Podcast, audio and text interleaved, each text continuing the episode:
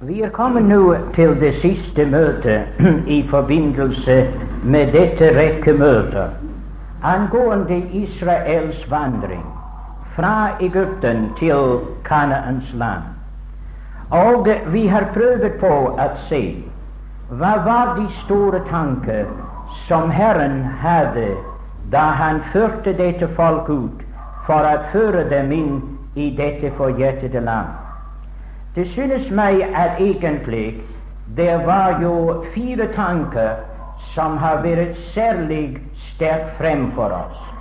Og det første var dette at dette folk skulle lære seg selv å kjenne.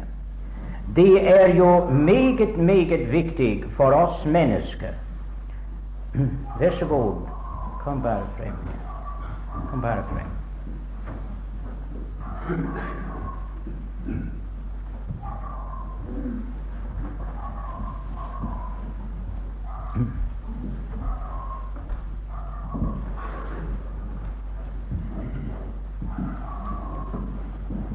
er meget viktig for oss mennesker at vi lærer oss selv å kjenne.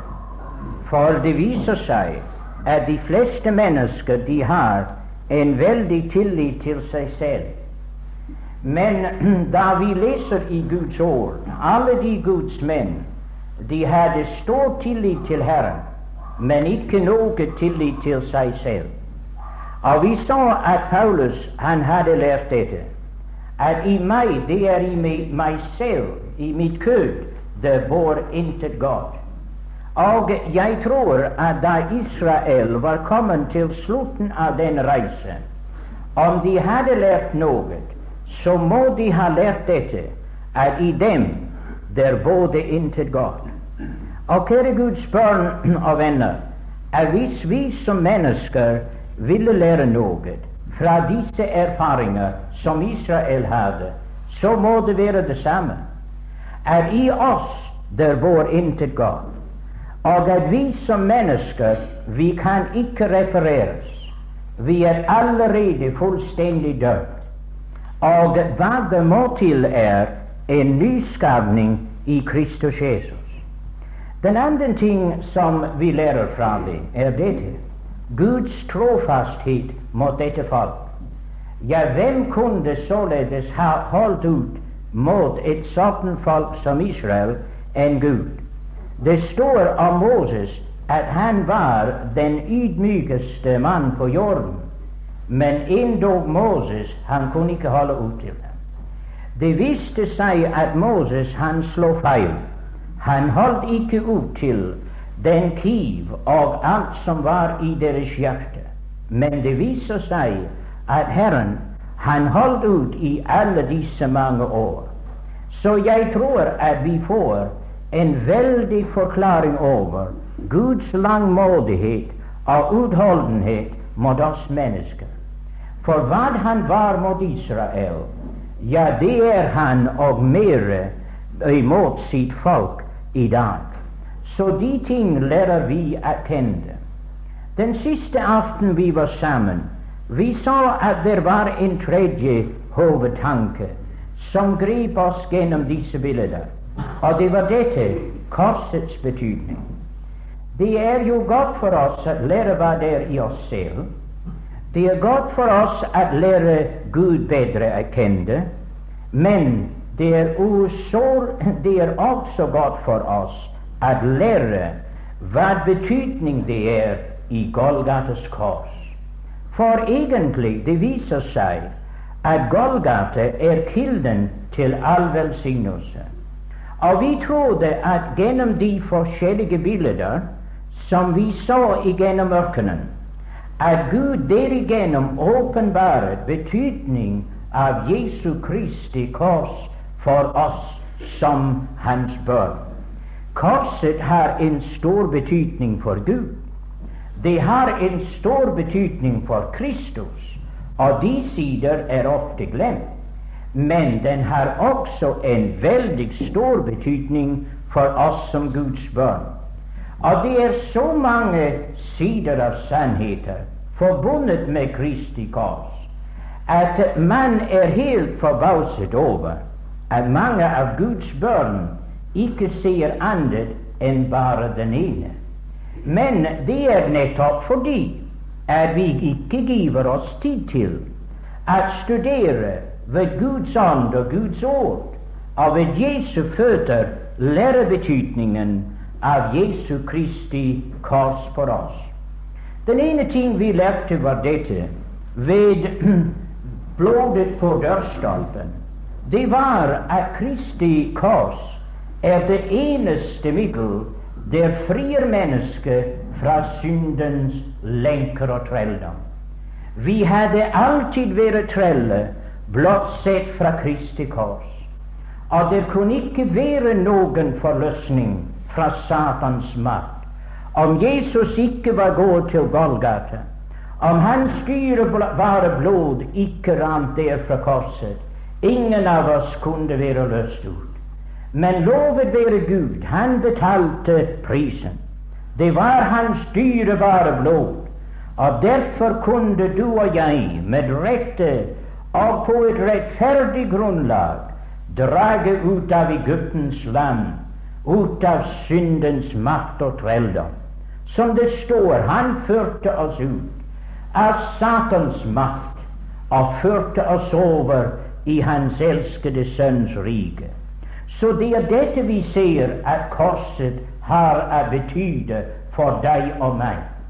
Men da vi kom til Det røde hav, vi så at Det røde hav var også et bilde på Kristi kors. Og Det røde hav har dette spesielle bildet fremfor oss.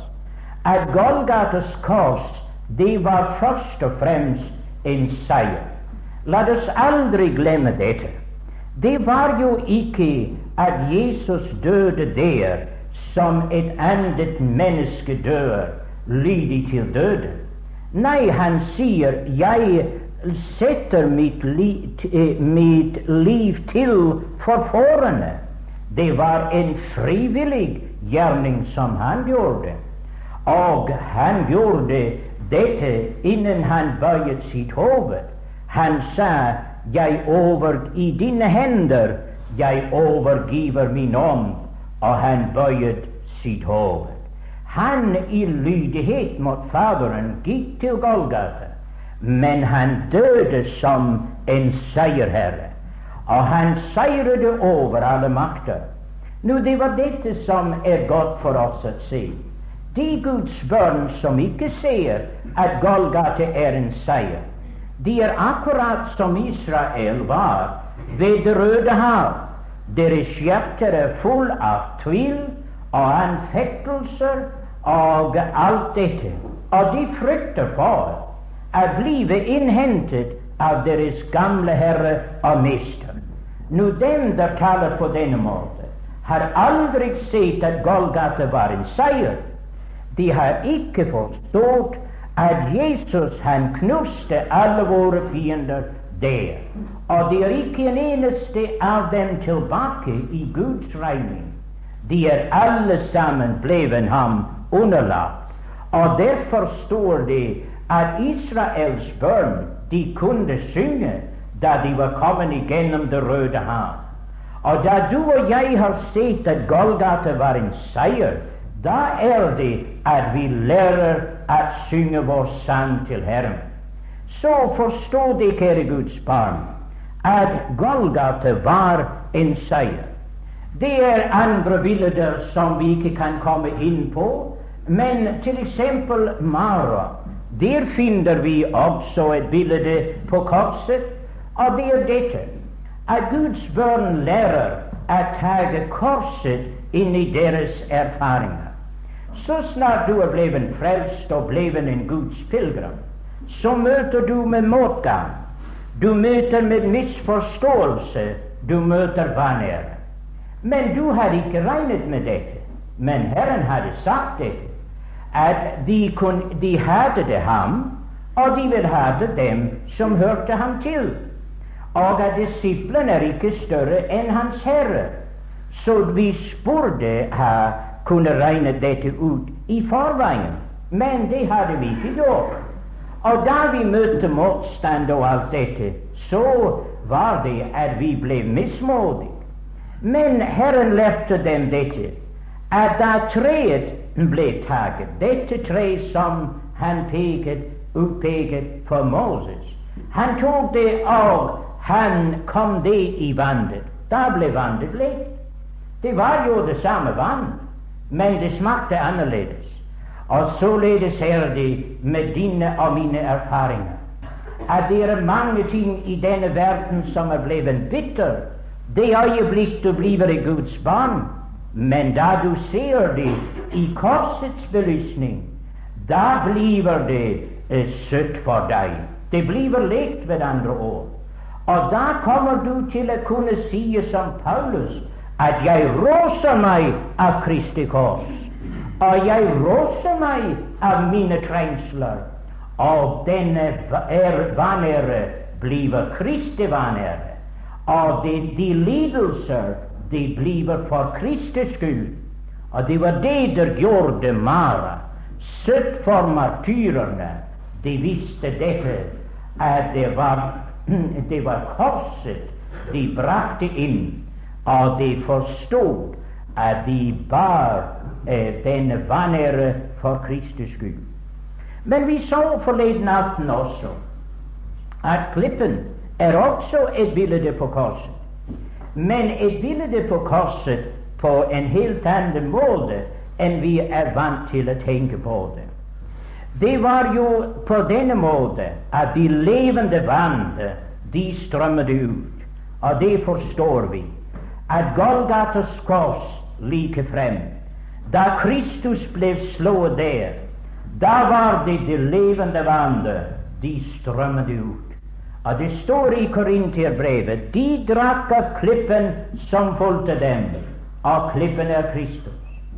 Denne klippet var ikke slått to ganger. I hvert fall, det skulle ikke slås to ganger.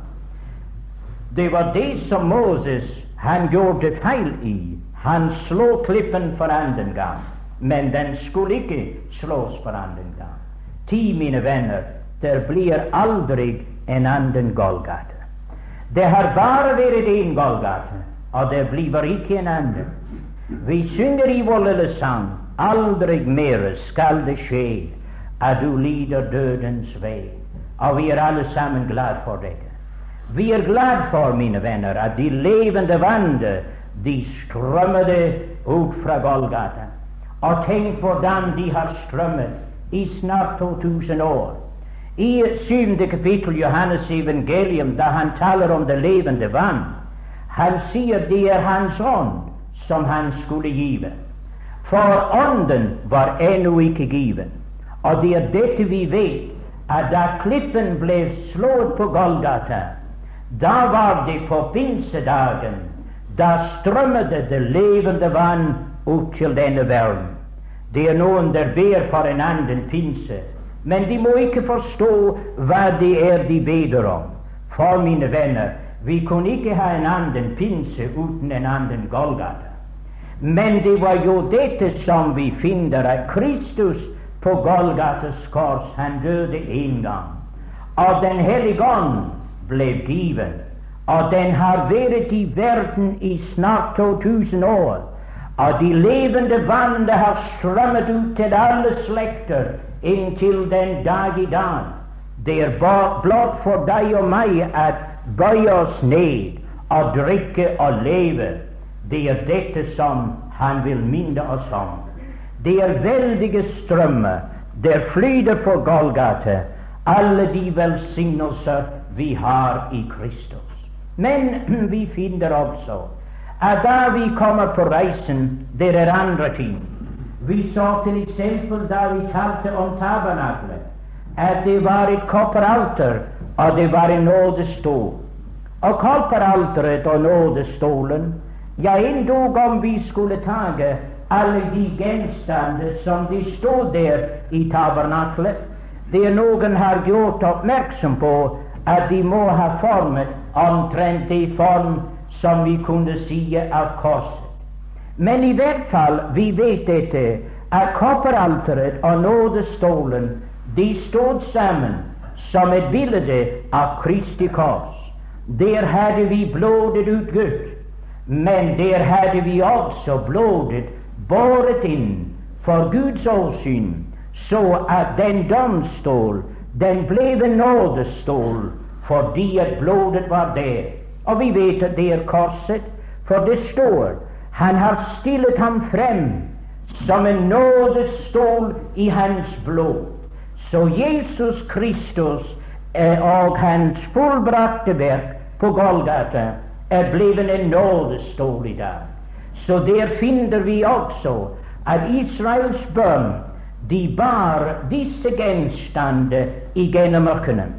Men så kommer vi altså videre, og vi ser andre ting, og det var det vi kom til siste aften, med den opphøyede slange i ørkenen. Dette folk var jo på veien til Kanaans land, men det var jo det Det var én ting de skulle lære innen de kunne komme så langt som til Kanaans land. Og det var dette at det gamle mennesket kunne ikke komme inn i landet. Det er det som mennesker har så mange av de troende har så svært ved. De prøver på å få slett det gamle mennesket inn i Kanaans land, men han kommer aldri inn. Forstår du? Han er dømt til å dø i ørkenen. Og det er det som er det hele som vi finner her i forbindelse med Israels barn at de måtte vandre rundt omkring i 38 år. Og du sier hvorfor det? Ja, for at den gamle Israel skulle dø. Ja, og det tok 38 år og lengre for at den gamle Israel skulle dø. Men jeg undrer hvordan og hvor lenge det tar for den gamle Adam å dø. Ja, det er dette som vi finner. Det er ikke så lett for jeg sier til dem da de driller meg om det Nå kommer den gamle Adam igjen, sier det. Men jeg sa ja, jeg kan ikke så lett bli av med ham. Nei, det er ikke så nevnt, mine venner. Og det er det som vi finner, at Guds barn har jo erfart dette, at det er ikke så lett for ham å dø. Men kan komme, han kan ikke komme inn i landet. Aldeles ikke. Og det var dette som Herren ville forklare for Nikodemus. Nikodemus var en mann som hadde studert disse bildene. Jeg er sikker på at han hadde studert dem og tenkt på dem. Men han hadde ikke fått betydningen av dette der skjedde der. Men Herren lot ham vite betydningen av det. Han sier til ham, Nikodemus, uten at noen blir født på ny, kommer han ikke inn i Guds rike. Det er umulig å gå over inn i Kanaans land uten at du er født på ny. Det må du være klar over, at det skal ny fødsel til, ikke mindre. Nå, dette skulle være klart for alle, at her gjelder det ikke om å prøve på å bli bedre. Og her gjelder det ikke om å vende om et nytt blad. Og her er det ikke tale om at slutte seg til en menighet eller til en forsamling. Men her er tale om, min venn, at være født på ny, å blive en ny skapning i Kristus Jesus. Og det er intet annet som kan passe for å komme inn i landet. Og det var derfor at Golgata måtte til. Det var ingen annen måte at vi kunne blive nye mennesker og få det evige liv enn ved Golgata. En måtte dø for at jeg kunne leve. Og det var Jesus der døde for at jeg kunne få det evige liv. Og det er hele evangeliet, mine venner. Det er så klart og tydelig i Guds ord at vi kan ikke ta feil at mennesker ikke forstår det og ikke forkynner det klarere, jeg synes det er merkelig. Men du, min venn, må være klar over dette, at uten at du er født på ny, kan du aldri komme inn i Guds himmel. Aldri. Det er ikke et spørsmål om, min venn, at om du en gang kunne komme der, Du ville be om at folk forlater det, at komme ut, for du kunne ikke være det. Til det liv som du og jeg har, det passer ikke for himmelen. Men det liv som et menneske får ved troen på Guds sønn, det er det liv som passer til himmelen. Det evige liv er ikke bare en forlengelse av dette liv som du nå har, men det er et helt annet slags liv. Det er det evige liv, det guddommelige liv, det himmelske liv. Og det er dette som du må ha. Til det står det som er født av kjød, er kjød, og det kan aldri bli annet enn kjød. Du kan ikke referere det eller forandre det, men Gud har dømt det ved Golgata, og han har sagt 'jeg skal gjøre noe nytt'. Og han har allerede begynt å gjøre noe nytt. Det er ikke bare en ny himmel der skal til, og en ny jord, men der skal nye mennesker til den nye himmel. Eller måske, om jeg ville si det rett, det er det, det nye mennesket som skal være til den nye himmel. Det er alle som er i Kristus, de hører med til det nye mennesket. Det heter menigheten av førstefødte, hvis navnet er skrevet i himmelen. Og min venn, det er det det må til. Og uten at du er født på ny, det er intet håp om at du vil komme inn i Guds himmel, inn i Guds rike. Nå, det var dette som Herren han ville lære Nikodemus. Derfor sier han, som Moses opphøyet slangen i ørkenen, så må menneskesønnen opphøyes, for at hver den som tror på ham, ikke skulle fortapes, men have et evig liv. Har du det evige liv, min venn? Om ikke, så vil vi ønske at du må få det i aften. Og der hvor du sitter, du kan få det. Israels barn de behøver ikke å komme til et bestemt sted for å få nytt liv. Nei, der hvor de lå rundt omkring i leiren. Kopperslangen var løftet opp så de kunne alle sammen se det, opp på en stang. Og da kunne de se det alleveis fra. Og da så de opp til det, og så snart de så, da ble de helbredet. Og det er det, mine venner. Jeg har ikke noe imot et eftermøte, og at de ville finne veien til Kristus på denne måten. Men jeg holder av for å forkynne evangeliet, så at mennesker kan finne veien til Kristus der hvor de sitter. Og det kan skje, min venn, der hvor du sitter. Du behøver ikke engang å vente til et eftermøte. Skal vi vil være glad for å tale med deg. Du må ikke misforstå meg. Men du kan bli frelst der hvor du sitter. Tid er dette. Når du i ditt hjerte vil tro på den Herre Jesus Kristus, da får du det evige liv. For det er dette som Herren sier, at han opphøyet slangen i ørkenen. Så må menneskesønnen opphøyes, for at hver den som tror på ham Og du kan like så godt tro på ham der hvor du sitter, som noe annet sted. Og gjør det, min venn, nå i dette øyeblikk, og da skal du finne at Gud holder sitt løfte, at hver den som tror på ham, de får det evige liv. Du sier, men jeg trodde ikke det var så lett. Nei, det er nettopp det som forvirrer mange mennesker. De prøver på å gjøre det vanskeligere enn det er. Men du kan i ditt hjerte tro på ham i aften der hvor du sitter, og du kan få det evige liv. Ja, sier du, men det var jo ikke meningen da jeg kom inn til møtet. Nei, ikke for deg, men det var Guds mening. Og Guds mening var at du skulle tro på Hans Sønn og få det evige liv. Vil du gjøre det i aften, så skal du få det.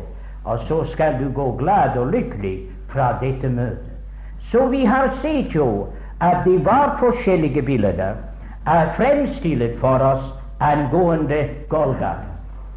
Men da vi kommer til Jordans flod, da finner vi også at det er jo et bilde på Golgates kors. Vi har jo vært vant til å se på det som et bilde på døden.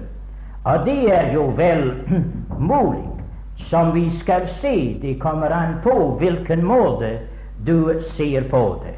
Men Jordans flod er egentlig et bilde på Kristi kors.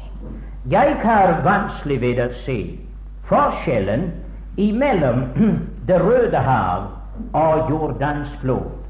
Men jeg skal si deg hvorfor. fordi de er satt sammen i, i Josfes bok. Du legger merke til da han forteller oss om hva skjedde ved Jordans flod, så forteller oss at det var akkurat på samme måte som han gjorde ved Det røde hav. Forstår? Han setter disse to sammen. Og det er en annen ting som er såre interessant. Hvis du leser om Israel da de kom til Det røde hav, du leser at de gikk, ned, de gikk inn i havet. Men du leser ikke, så vidt jeg vet, at de kom opp av det. Og når du leser om Jordans lov, du leser ikke at de gikk ned, men du leser at de kom opp. Og jeg tror at den lille forglemmelse den har en stor betydning. For i virkeligheten det var det at de gikk inn i Det røde hav, og de kom ut ved Jordans flod, og det hele var kun den ene skritt.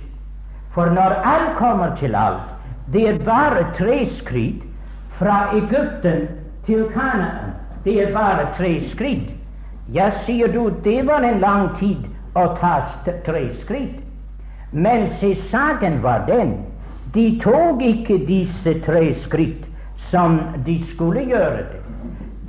Det er tre troens skritt, kunne vi si, fra Egyptens land til Kanaens Kanaans land.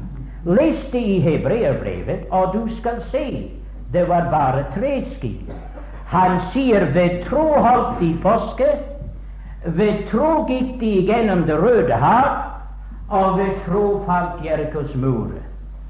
Ja, men, sier du, hvor er all den her lange reise her nede? Ja, hvor er det, min venn? Det var jo nettopp dette. Istedenfor å ta troens skritt, så var det som sagt det gikk igjennom mange, mange forskjellige ting. Og jeg er bange for at mange av Guds barn de nettopp går igjennom så mange forskjellige ting som er aldeles ikke nødvendig.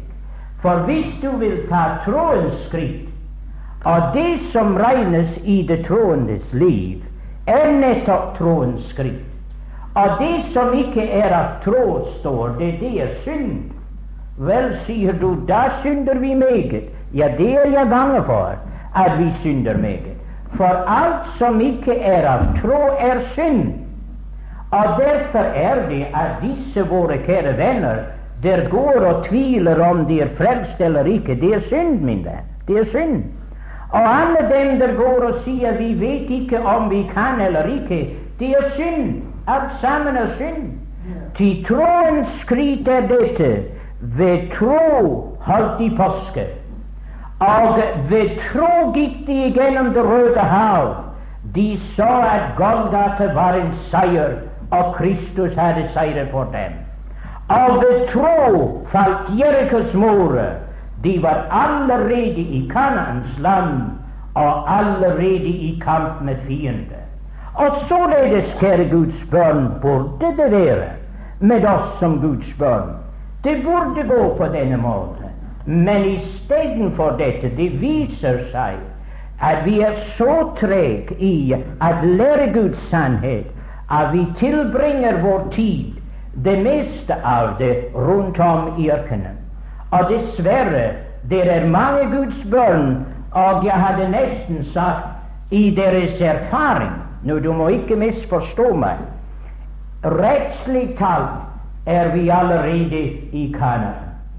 Men praktisk talt, i erfaringsmessig, det viser seg at det er mange Guds barn at de er ikke kommet ut av Egypten ennå. De sitter ennå under blodet, som de vil si, men ennå er de i Egypten. Deres bånd er ikke løst. Nei, nei, de har ingen glede i hjertet, for det var ingen sang i Egypten. De er jo allikevel under blodet. De er trygge, ja, like så trygge som dem som er i landet. Men det er ikke dette et spørsmål om trygghet, men deres glede er ikke som dem der holdt det i landet. Forstår du? Det var således med Israel. Det var tre påsker som de holdt. De holdt en påske i Egypten, og så holdt de en påske efter de var der ved Sinais bjerg. Og så holdt de en påske efter de kom inn i landet. Det var stor forskjell. At holde påske i Egypten, at holde påske i, uh, i ørkenen, for da var de utenfor uh, fares rekkevidde. Men de var ikke kommet frem. Men de andre, de holdt påske i landet. De var jo allerede kommet inn i det gode land. Og kjære Guds barn, vi holder påske også. Men vi skulle holde påske som dem der er kommet inn i landet, og ikke holde påske som dem der skal forlate landet, eller som er i ørkenen, men holde påske som dem. Det er i full besittelse av vår arv og har inntaget det. Men derfor er det at vi ser som Guds barn at vi ser at noen er ikke kommet lenger enn Egypten. Og hvor mange der er som står der ved Det røde hav, full av tvil og anfektelse, og bange for at deres gamle fiende ville få fatt på dem igjen. Og om du bare visste hvor sterk din frelser er, min venn. Om du bare forstod at han har seiret over Satans makt så ville du ikke tvile på denne måten. Nei, du ville ved tro ta skrittet. For husk på dette, det er et sted, og fienden, han kan ikke følge deg der. Når du har vært til Golgata og gått inn i Golgatas verk, din fiende kan ikke følge deg. Han prøver det, han prøver det. Men han døde da han forsøkte det. I Det røde hav der døde Farer og hele hans hær for han prøvde på å følge Guds folk og ta dem i kveldom igjen.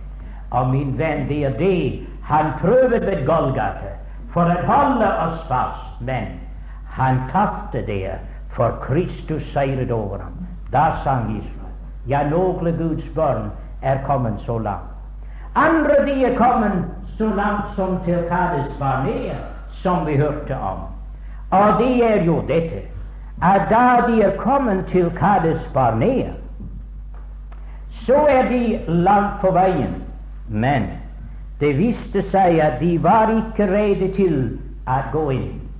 De var ikke rede til å ta landet i besittelse. Og hvor mange Guds barn ligger ved Kades Barnea. Og der var de en lang tid. Og ikke alene en lang tid der, men det viste seg at de forspilte deres sjanse der.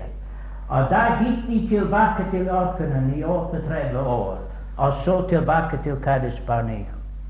Og det er dessverre mange Guds barn. De tilbringer hele deres liv og vandrer rundt omkring på denne måten. Du sier hvorfor? Bare fordi du ikke ville gå inn. Og bare fordi du ikke ville ta landet i besittelse. Landet er din. Alle disse løfter i Guds år, de er dine. Alle disse herlige velsignelser, de er dine. Og det nytter ikke noe å si 'Tror du at det er godt?' og 'Tror du at det er for meg?' Herrens ord er inn og ta landet i besittelse. Den fred det er for deg, den frelse det er din. Det står av nåde er vi frelst. Det står ikke av nåde skal vi bli frelst. Men det står av nåde er vi frelst.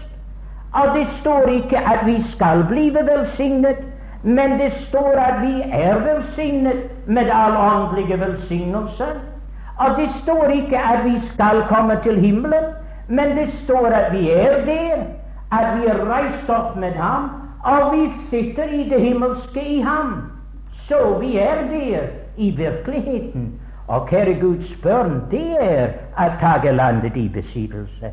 At kunne tilegne deg disse sannheter og si det er min, og glede deg og fryde deg i hva Herren i sin nåde har skjenket deg. Det er en, et land det flyter med melk og honning. Så ved troen ta det i besittelse. Ja, endog Guds børn må gjøre dette. De må ta landet i besittelse. For det er kun hvor, der hvor dine føtter treder. Det som du inntager, det blir din. Men alt det andre ligger utenfor det. Men kjære Guds barn, legg ikke deg ned der ved Kades Barnea og sier mon det er for mange vanskeligheter. Nei, gå inn og ta landet i besittelse. Nå er kommet inn i dette her forjettede land, som vi så, at det er jo ikke bare den, som jeg sa, det var to måter å se på disse ting. Den ene måten var å se på det som Guds børns reise igjennom denne ørken til deres himmelske velsignelser, som de er fremstilt i Efeserbrevet, første og andre kapittel. Og det er spesielt på denne måten at vi har jo betraktet det. Og derfor ønsker vi at Guds barn måtte forstå dette. Men det er da vi er kommet til å se at vi eier det evige liv.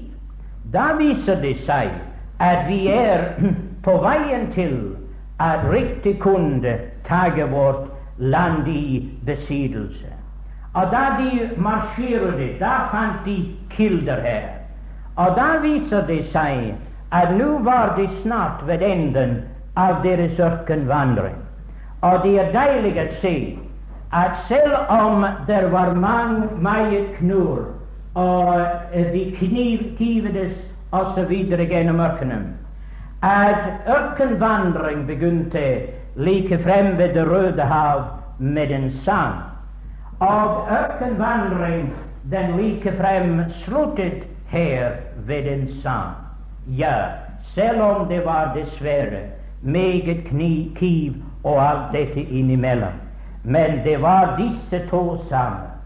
Og da disse fyrster de gjorde og gravde disse kilder, da velter de frem, og da var den en sang om den kilde og de frydet seg og gledet seg der i ørkenen. Men de måtte gå frem, og da fant de også det var fiender. Fiender der ville hindre dem å komme inn. Og kjære Guds barn, det skal du forstå, at fiender var det. Farao ville beholde dem i uh, Egypten, og Amalek ville hindre dem for å komme frem. Men ammonittene de vil hindre dem for å komme inn. Men kanonittene de vil hindre dem for å ta landet i besittelse. Og således har Guds børn alle de slags fiender. Og det verste er det, det er ikke bare rundt omkring oss, men de er inni oss i det forbindelse med det gamle natur. Det forhindrer oss like frem å komme inn i det som virkelig hører oss til. Og da kom de til et sted som var meget prøvende for dem. Vi har ikke tid å tale om det. Og det var angående den tid at Balim han kom for å forvandle dem. En forferdelig ting. Etter de hadde hatt et sånt langt liv i ørkenen og var like frem ved grensen av det forjettede land, så kommer den mann og vil like frem lyse forbannelse over dem. Men da fant han at det var noe her som ikke var så lett. Jeg kan ikke gå inn i dette i aften, men kun at si det at det Balim han kunne ikke forbanne dette folk. Hvorfor kunne han ikke forbanne dem? Gud hadde velsignet og fordi Gud hadde velsignet dem, han kunne ikke forvandle dem. Og da er vi ved Romerbrevets offentlige kapittel.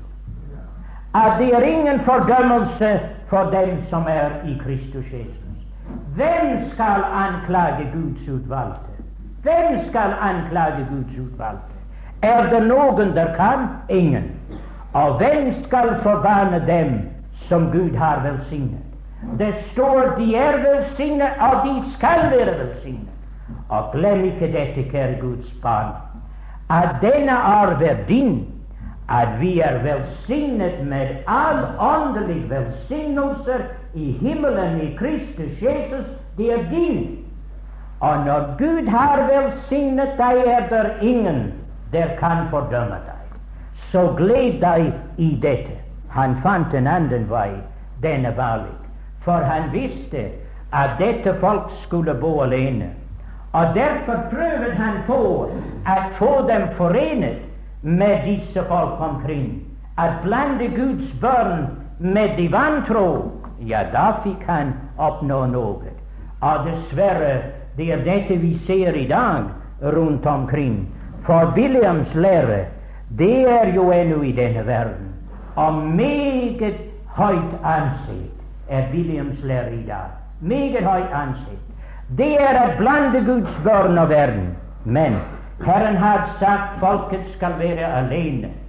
De led et nederlag der bare fordi at de ikke forstår dette, at de folk som er velsignet av Gud, er velsignet. Men at fordi de er velsignet av Gud, skal de bo alene, og de skal ikke regnes iblant nasjonene. Adskillelse for verden er det som dette liv lærer oss å forstå.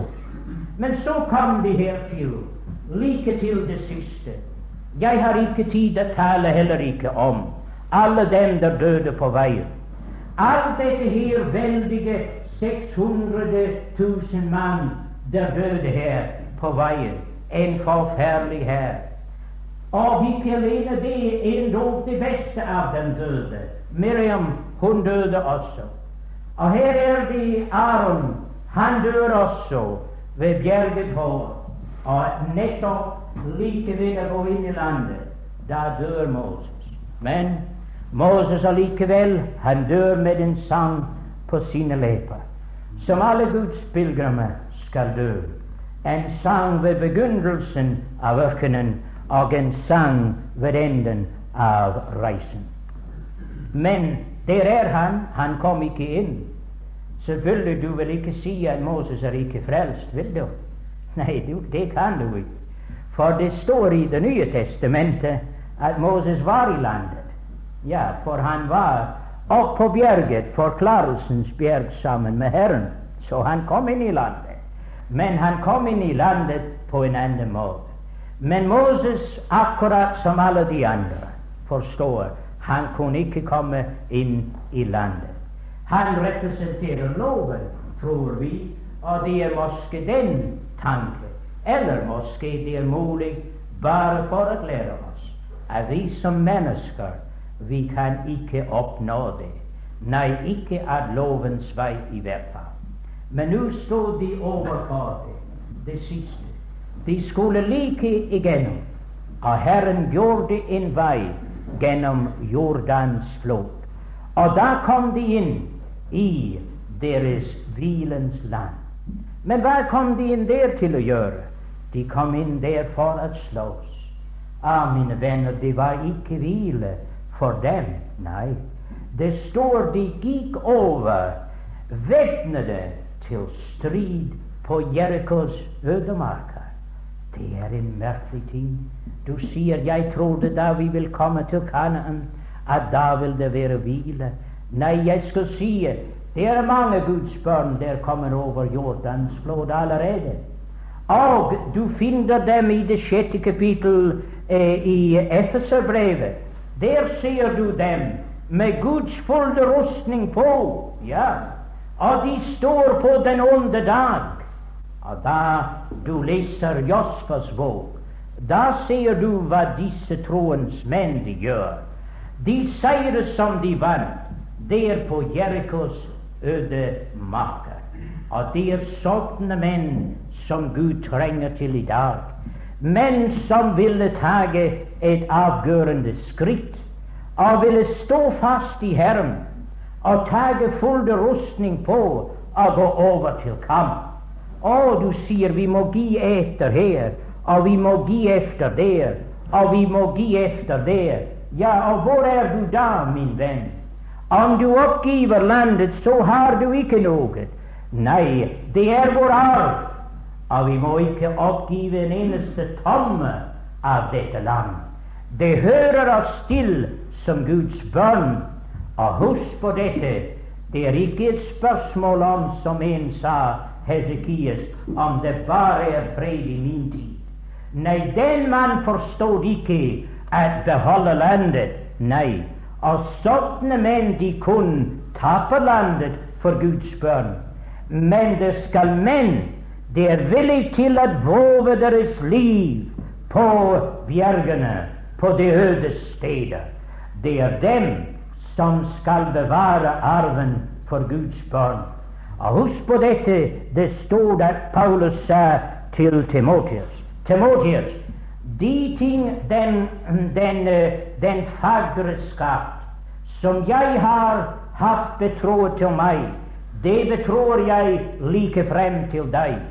Han sier de ting som du har lært av meg, den skal du betro til trofaste menn, som skal betro det til de andre. Hva er dette? Det er vår arv, min venn. Og vår arv er den fagre skatt, de hellige sannheter som Gud har givet oss. Og Han har brakt oss ut av Egypten Han bringe oss inn i disse rike velsignelser. Og vi må ikke give slipp på en eneste av dem, men vi må kjempe for dem til det siste. Og når vi så å si skal dø i kampen, som Paulus gjorde, han hadde allerede betroet til trofaste menn, som var i stand til å betro det til andre.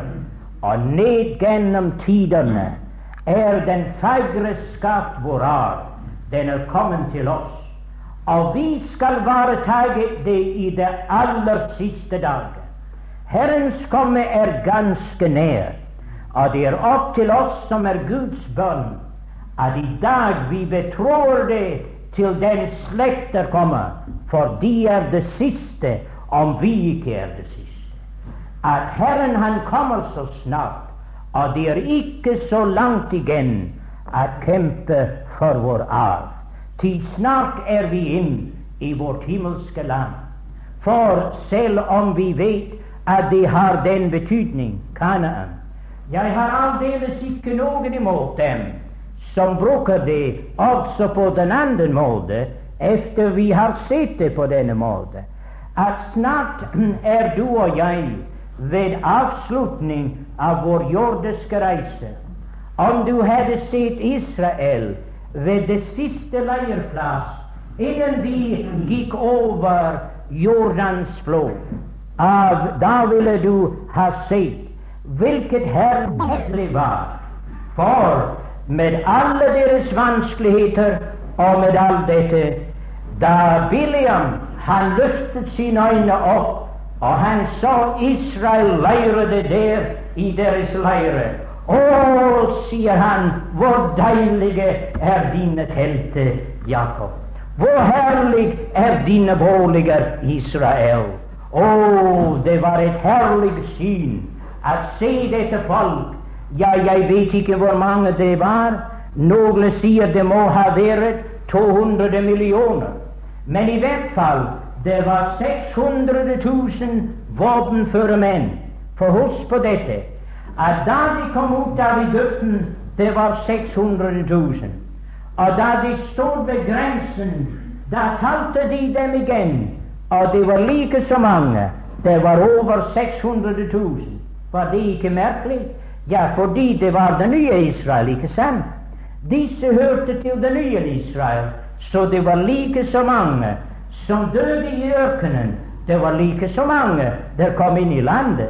Og du kan ikke forklare dette, min venn. Ja, ja, det er jo så. Således er den erfaring. Jo, 600 000 av dem, våpenføre menn iblant dem, men en veldig hær var det. Og jeg kan ikke annet enn tenke at Guds menighet i dag leiret rundt omkring i denne verden, ja, noen av dem herret av meget forfølgelse og lidelse, men allikevel, de er herlige boliger, der hvor Herren bor midt iblant dem. Men vet du, vi er snart ved det siste leirpass.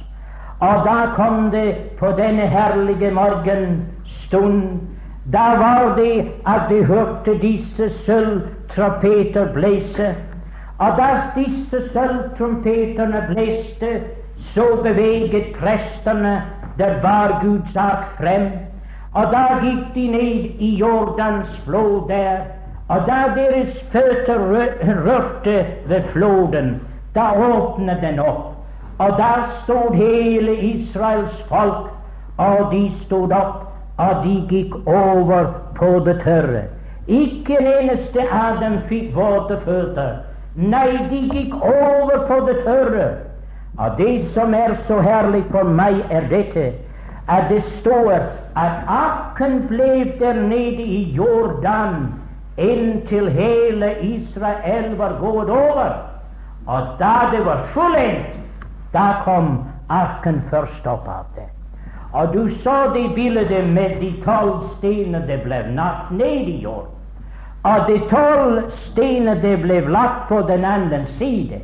Det bekrefter den tanke som vi sier, at den gamle Israel var død, og den nye Israel gikk inn i Kanaans land. Men det var et herlig syn. Ti arken ble der i Jordan inntil de alle sammen får gått over. Og hvor jeg har gledet meg over den tanke, mine venner.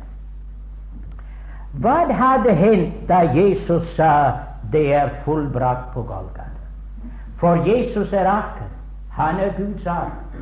Og da han gikk til Golgata, den dødens og dommens flod, han gikk der for deg og meg. Og han stod der i floden inntil hva? Inntil de var alle sammen gått over. Ja, på det tørre. Og det er det som Jordans flod betyder. Golgata. Men Golgata i denne forstand at Kristus bar det døden og dommen for deg og meg. Ikke bare dommen, men døden. Og derfor er det at det kjære Guds barn som tenker på at de skal over floden Vet du, det er ikke noen flod der. Det er det jeg har i veien med John Bunyans uh, vandring. At han har en flod før han kommer inn i staden. Men jeg tror ikke det er noen flod. Jeg tror ikke det er noen flod. Jeg tror at Guds barn går over på det tørre. Det er ikke noe der heter døden for deg, kjære Guds barn. Fordi Kristus ble der inntil alle gikk over på det tørre. Og derfor sier han, den som tror på meg, han skal ikke smake døden. Han smakte døden for oss alle. Men den som tror på Jesus, han skal ikke smake døden. Og derfor kan du glede deg at den velsignede frelser, han har smakt døden for deg. Så kjære Guds barn, du og jeg behøver ikke å frykte for døden, til han sier dette, jeg er den som lever og ble død, men jeg lever i all evighet og har nøklene til døden og til dødsriket. Arken ble der, det gikk over på det tørre. Men i hvert fall et vet jeg, at snart er det at vi er like som Israel. Og jeg føler at vi er nettopp på denne måte i disse dager. Alt dette som skjer rundt omkring oss, jeg tror det er en forberedelse til det siste ting der skal skje. Guds barn skal snart bortrykkes. Snart skal denne verden, mine venner, blive forskrekket med noe veldig det har skjedd, og det er at den menighet som har vandret for Herren her nede i denne verden, den skal blive bortrykket, ja, uten å gå igjennom døden. Uten å gå igjennom dødens flod, til Herren døde for meg. Og vi skal bortrykkes inn i vår evige himmelske arv. Men lovet være Gud, da vi kommer der, da er det ingen kanonitter i landet. Nei, nei. Der i dette land, der er ingen fiender. Nei, der skal vi være hos ham selv. Og der kommer vi inn i det evige sabbatshvile, og alltid være hos vår velsignede Herre og Frelser. Og tenk, den tid er nær, som vi somme tider synger, at vi kan nesten speide eh, porten til det hellige land. Vi kan nesten allerede se disse kjære som venter oss der. Vi kan nesten allerede føle den tilkommende verdens krefter. Vi er så nær til vår himmelske arv. Moses fikk se det og skue det like da han stod ved grensen. Og troens øyne kan likefrem skimte det evige fjellet, den evige herlighet, der hjemme hos Gud. Og snart er vår ørkenreisen forbi. Og snart skal vi samles om tronen. Og da vet vi at Israels reise Jeg kan ikke lese så meget om de sanger som de sang i landet, for det var dette. De fikk aldri hvile før Salomos tid hva landet angikk. Men vi vet at når vi kommer hjem, da skal vi få den evige, salige hvile hjemme hos Herren, og da skal vi synge. Og hva blir så sangen? Det er den til Ham som har løst oss og kjøpt oss til Gud og gjort oss til et kongerike av prester, og vi skal være hos Ham. De synger landets sang, at Han er verdig, og gjennom evigheternes evigheter, da skal sangen bruse. Somme tider i åpenbaring får vi lov å høre en lille smule av det, og da står det at det var så mange vandes bruse. Ja, da er vi kommet hjem. Men i mellomtid, medens vi vandrer gjennom denne ørken, kjære Guds barn, la oss forstå dette, at vi setter vår lit til Herren, at Han som førte oss ut, er også den som vil føre oss inn.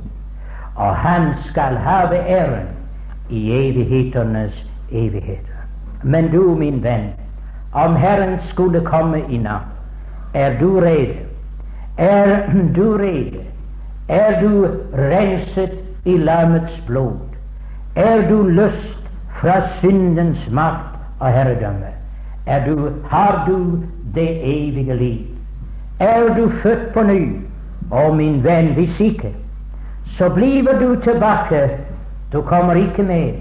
Det ville være forferdelig. Slektninger og venner, bortrykket å være hjemme hos Herren. Og du, min venn, ikke med. Men du kan bli med. Der hvor du sitter i aften, kan du avgjøre den store sak. Hvorfor har du ventet så lenge? Hvorfor har du biet så lenge? Du vet du må ta beslutning før eller senere. Men la det være i aften. La denne aften være en gledesaften. Og det kan være, min venn, du får ingen ørkenvandring. I hvert fall at den blir så ganske, ganske kort at det er ikke til å tale om.